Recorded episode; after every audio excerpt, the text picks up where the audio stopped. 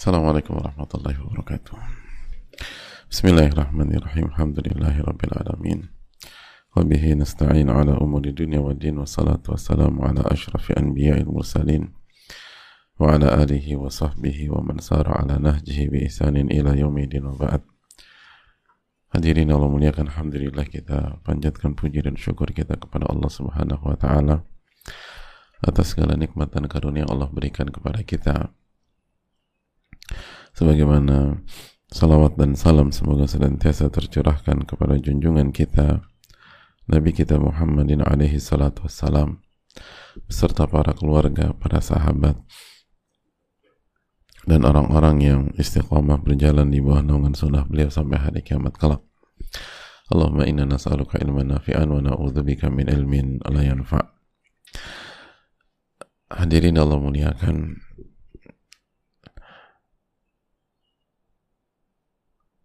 Alhamdulillah kita hendaknya banyak bersyukur kepada Rabbul Alamin atas berbagai macam nikmat yang Allah berikan kepada kita.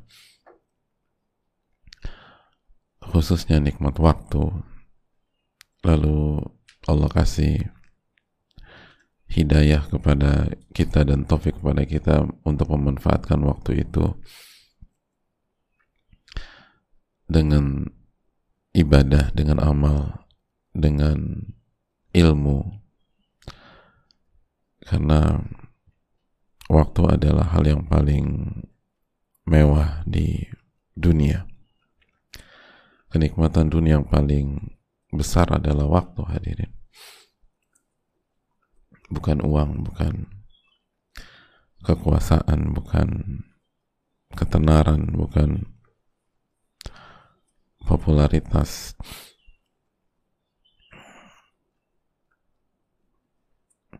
para ulama mengatakan al-waqtu anfasu ma unita bihifdhihi wa arahu ashala ma'alaika yadi'u. Waktu adalah hal yang paling mewah yang paling berharga. Yang anda harus jaga yang anda harus perhatikan. Wa arahu ashala ma'alaika yadi'u tapi di waktu yang sama di sisi lain saya melihat itulah hal yang paling mudah untuk disia-siakan. Waktu adalah hal yang paling mudah untuk dilepaskan, yang mudah terbengkalai, yang mudah disia-siakan. Dan itu yang paling mewah. Karena waktu adalah kehidupan dan waktu adalah diri kita sendiri. Para ulama mengatakan innaka antal ayam. Engkau itu adalah hari-harimu. Jika sebuah hari berakhir maka hilanglah salah satu bagian darimu. Tapi itu yang kita lupakan. Waktu adalah yang paling mahal. Kenapa seseorang takut mati? Karena mati itu kan memutuskan waktu kita di dunia itu yang paling penting. Kita udah gak punya waktu hidup lagi di dunia. Oleh karena itu mumpung Allah masih kasih waktu hadirin, gunakan sebaik-baiknya, gunakan semaksimal mungkin. Para ulama mengatakan jika Allah buka pintu kebaikan di hadapan Anda maka masuklah ke pintu tersebut. Karena Anda nggak pernah tahu kapan pintu itu tertutup. Dan apakah Allah buka kembali atau tidak?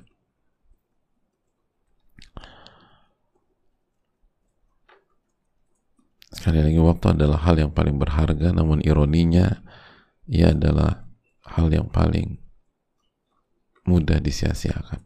Sangat mudah.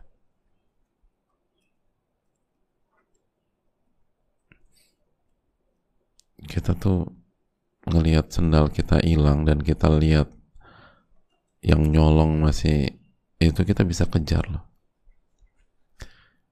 Kita bisa kejar dan kita pertahankan sendal kita.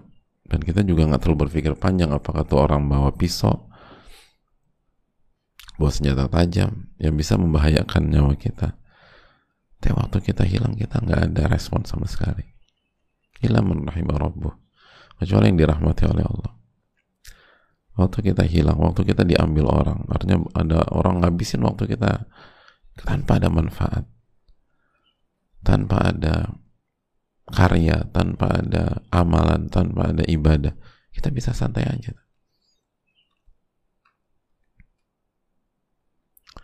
Mas kenapa anda diam aja? Dia ngabisin waktu anda tiga jam, maksudnya nggak enak.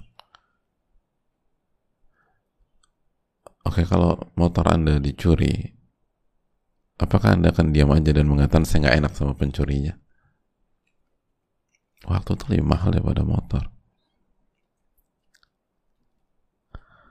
dengannya kita bisa sujud, dengannya kita bisa ruku, dengannya kita bisa beribadah, dengannya kita bisa salat, dengannya kita bisa istighfar, dengannya kita bisa bertasbih, dengannya kita bisa bertahlil, dengannya kita bisa bersalawat, dengannya kita bisa berinfak. Kita mau punya duit sebanyak apa pun, kalau nggak ada waktu gimana kita berinfak? Dengannya kita bisa merasakan kehangatan sebuah keluarga. Dengannya kita bisa bersama orang-orang yang kita cintai orang-orang yang kita sayangi semua tentang waktu hadirin. Tapi sering kali kita menyanyiakan waktu. Maka selalu ingat wal waktu anfas ma'unita bihirdihi wa arahu ashala waktu adalah yang paling mewah. Tapi saya melihat dialah juga yang paling mudah disia-siakan. Jadi waktu hal yang paling mewah dan di waktu yang sama paling gak dihargai sama banyak orang. Bisa begitu ya. Padahal itu yang paling besar. Oleh itu marilah kita hargai waktu kita dan minta ilmu yang bermanfaat dan dilindungi dari ilmu yang tidak bermanfaat. Dan marilah kita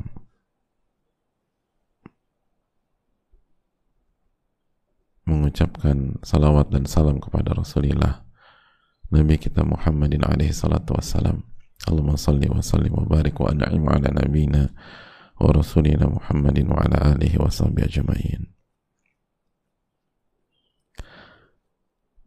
Hadirin bersama kembali bersama Imam Nawawi rahimahullah taala bersama Riyadus Salihin bersama hadis Al-Bara bin Azib tentang tujuh perintah Rasul Sallallahu Alaihi Wasallam dan tujuh larangan Rasulullah Sallallahu Alaihi Wasallam. Dan kita sudah masuk ke perintah yang keempat dan kita masuk perintah kelima.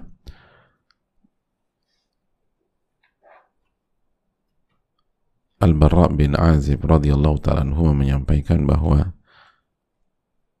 Rasulullah melarang memerintahkan kita tujuh perkara dan melarang kita tujuh perkara dan yang berikutnya adalah wa nasril mazlum Rasulullah SAW memerintahkan kita untuk menolong orang yang terzolimi orang yang teraniaya itu perintah dari Rasulullah Sallallahu Alaihi Wasallam.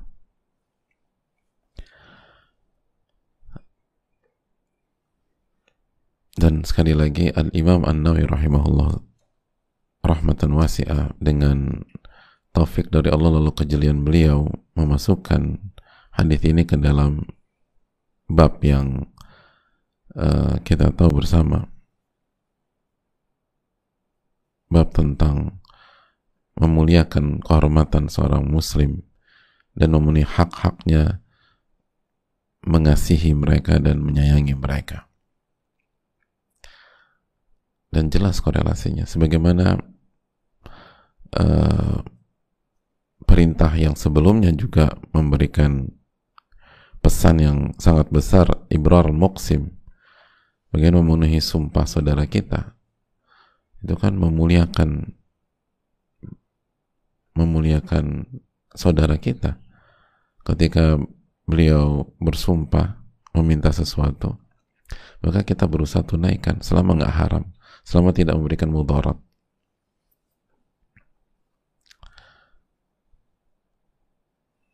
Selama bukan hal yang makruh misalnya.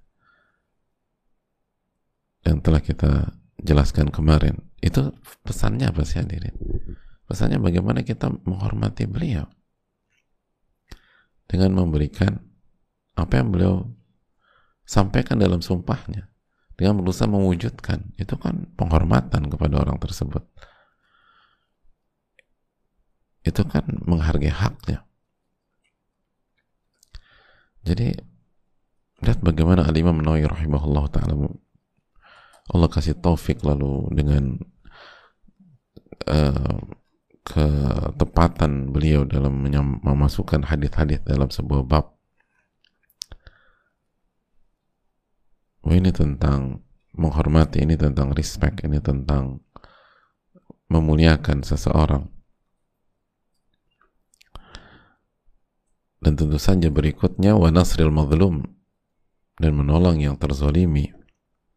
Dan itu kembali pesan itu kita bisa tangkap dengan jelas. Dan hadirin Allah muliakan menolong orang yang teraniaya atau terzolimi hukumnya apa hukumnya? Hukumnya fardu kifayah dijelaskan oleh para ulama. Liman qadira alaih liman qadara alaih lima fihi min izalatil munkar wa daf'id darar anil muslim.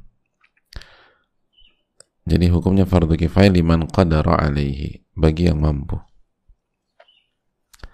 Bagi yang mampu.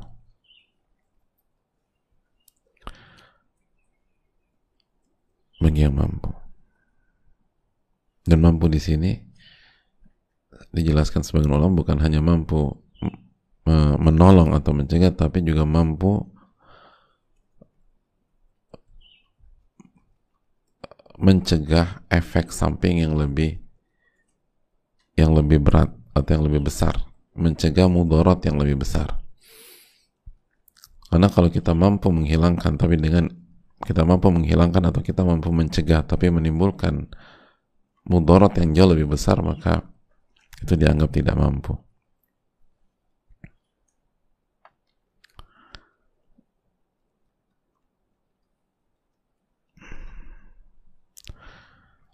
Bahkan Al-Imam Ash-Shawqani rahimahullah menyampaikan bahwa tidak ada khilaf tentang kewajiban ini.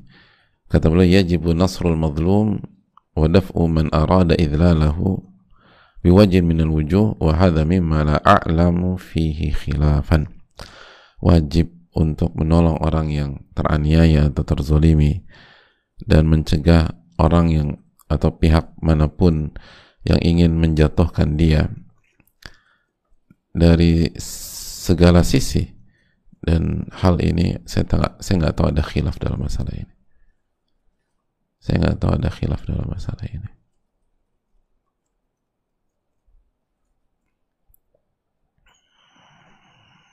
Itu poin. Jadi hadirin Allah muliakan, hukumnya fardu kifayah. Artinya jika sudah ditolong oleh orang ya gugur ke kewajiban bagi yang lain. Tapi kalau nggak ada yang tolong, padahal mampu, maka berdosa. Maka berdosa. Dan ini sudah kita teka, kita jelaskan juga dalam hadis sebelumnya unsur akhaka zaliman atau madluma. Tolonglah saudaramu yang zalim dan terzalimi. Ya Rasulullah hadzal madlum. Ya Rasulullah kalau menolong yang terzalimi kita ngerti. Kita akan bela. Terus gimana menolong yang zalim? Tamna'uhu minadh-dhulum fadzalika nasruhu. Kata Nabi SAW anda cegah dari kezaliman dan itu cara anda menolong dia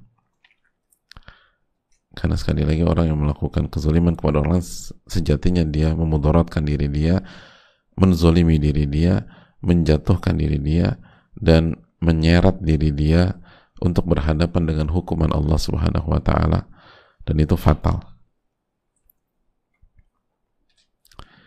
Jadi sekali lagi sebenarnya jamaah uh, sabda Nabi SAW ini nasrul nasril mazlum menolong yang terzolimi menolong yang teraniaya itu sejatinya juga menolong orang yang menganiaya dia. Menolong orang yang menzolimi dia. Jadi sebenarnya paket komplit ini. Karena dengan kita tolong yang terzolimi sehingga yang zolim sama dia berhenti menzolimi atau tidak melanjutkan lagi yang awalnya misalnya dia mau zolim uh, misalnya kita pakai angka aja biar gampangnya durasi 30 menit. Tapi karena Allah kasih taufik sehingga kita bisa nolong dia pada saat uh, baru berjalan 5 menit 5 menit. Maka itu sebenarnya kita menolong yang terzolimi agar dia tidak teraniaya selama 25 menit ke depan tapi juga menolong orang yang zolim yang menganiaya sehingga dia nggak mendapatkan dosa 25 menit ke depan. Kita kita tolong dia. Dari melakukan dosa selama 30 menit menjadi dosa selama 5 menit. Itu pemangkasan yang luar biasa. Dan itu mahal sekali hadirin Walaupun dia nggak suka, tapi dia menyel itu menyelamatkan dia. Bisa jadi itu menyelamatkan dia di hari kiamat.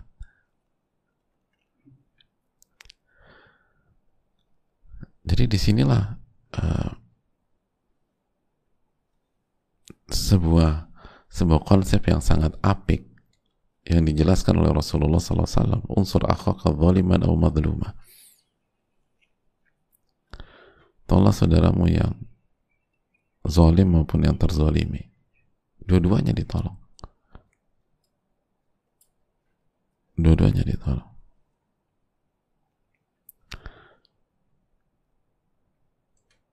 Dan ini kita menunjukkan bahwa memang kezaliman itu zulumat yaumul qiyamah. Sebagaimana sudah kita jelaskan.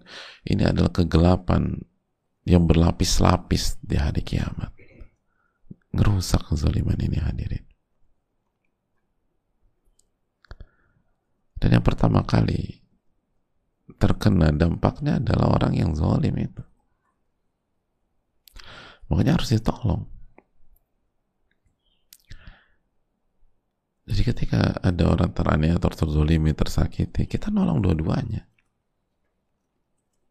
Nolong yang terzolimi dan khususnya nolong orang yang zalim.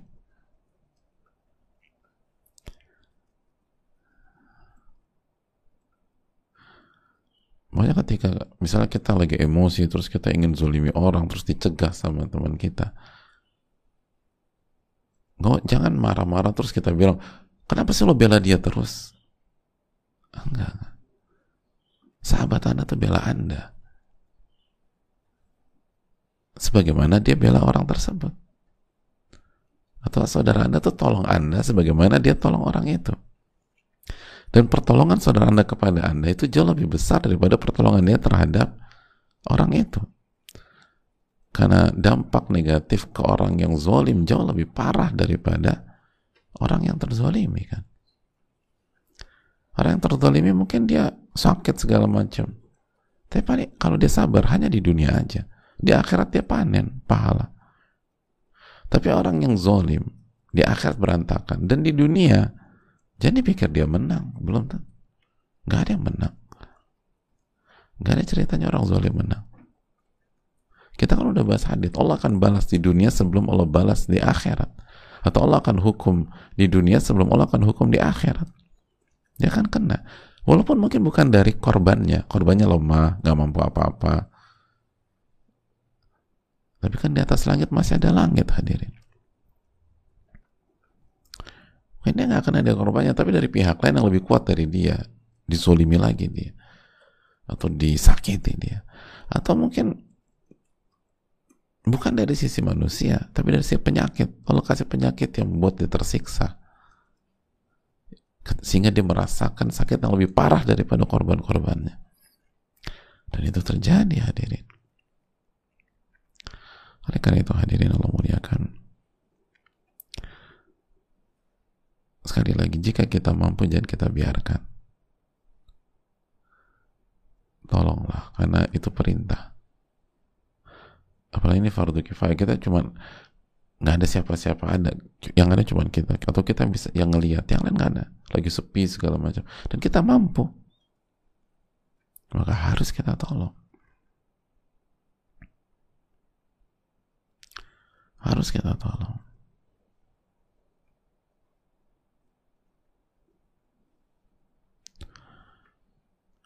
Allah Ta'ala bisa semoga bermanfaat. Dan semoga Allah memberikan taufik kepada kita. Dan sekali lagi ini masuk di bab ta'zim hurumatil muslimin wa baini hukukihim wa atfi rahmatim ini masuk ke bab memuliakan kehormatan seorang muslim menunaikan haknya menyayangi dan mengasihi. Jadi spiritnya adalah hal tersebut. Termasuk ketika kita menolong yang zolim, spiritnya adalah menyayangi dia agar dia tidak berdosa dan berhadapan dengan ancaman Allah tabaraka wa ta'ala. Semoga Allah kasih kita taufik dan rahmatnya dan semoga Allah kasih kita ilmu bermanfaat wa inna nas'aluka ilman nafi'an wa na'udzubika minal ilmi Saya cukup kita cukupkan sampai di sini. Subhanakallahumma wa la ilaha illa anta astaghfiruka wa. Assalamualaikum warahmatullahi wabarakatuh.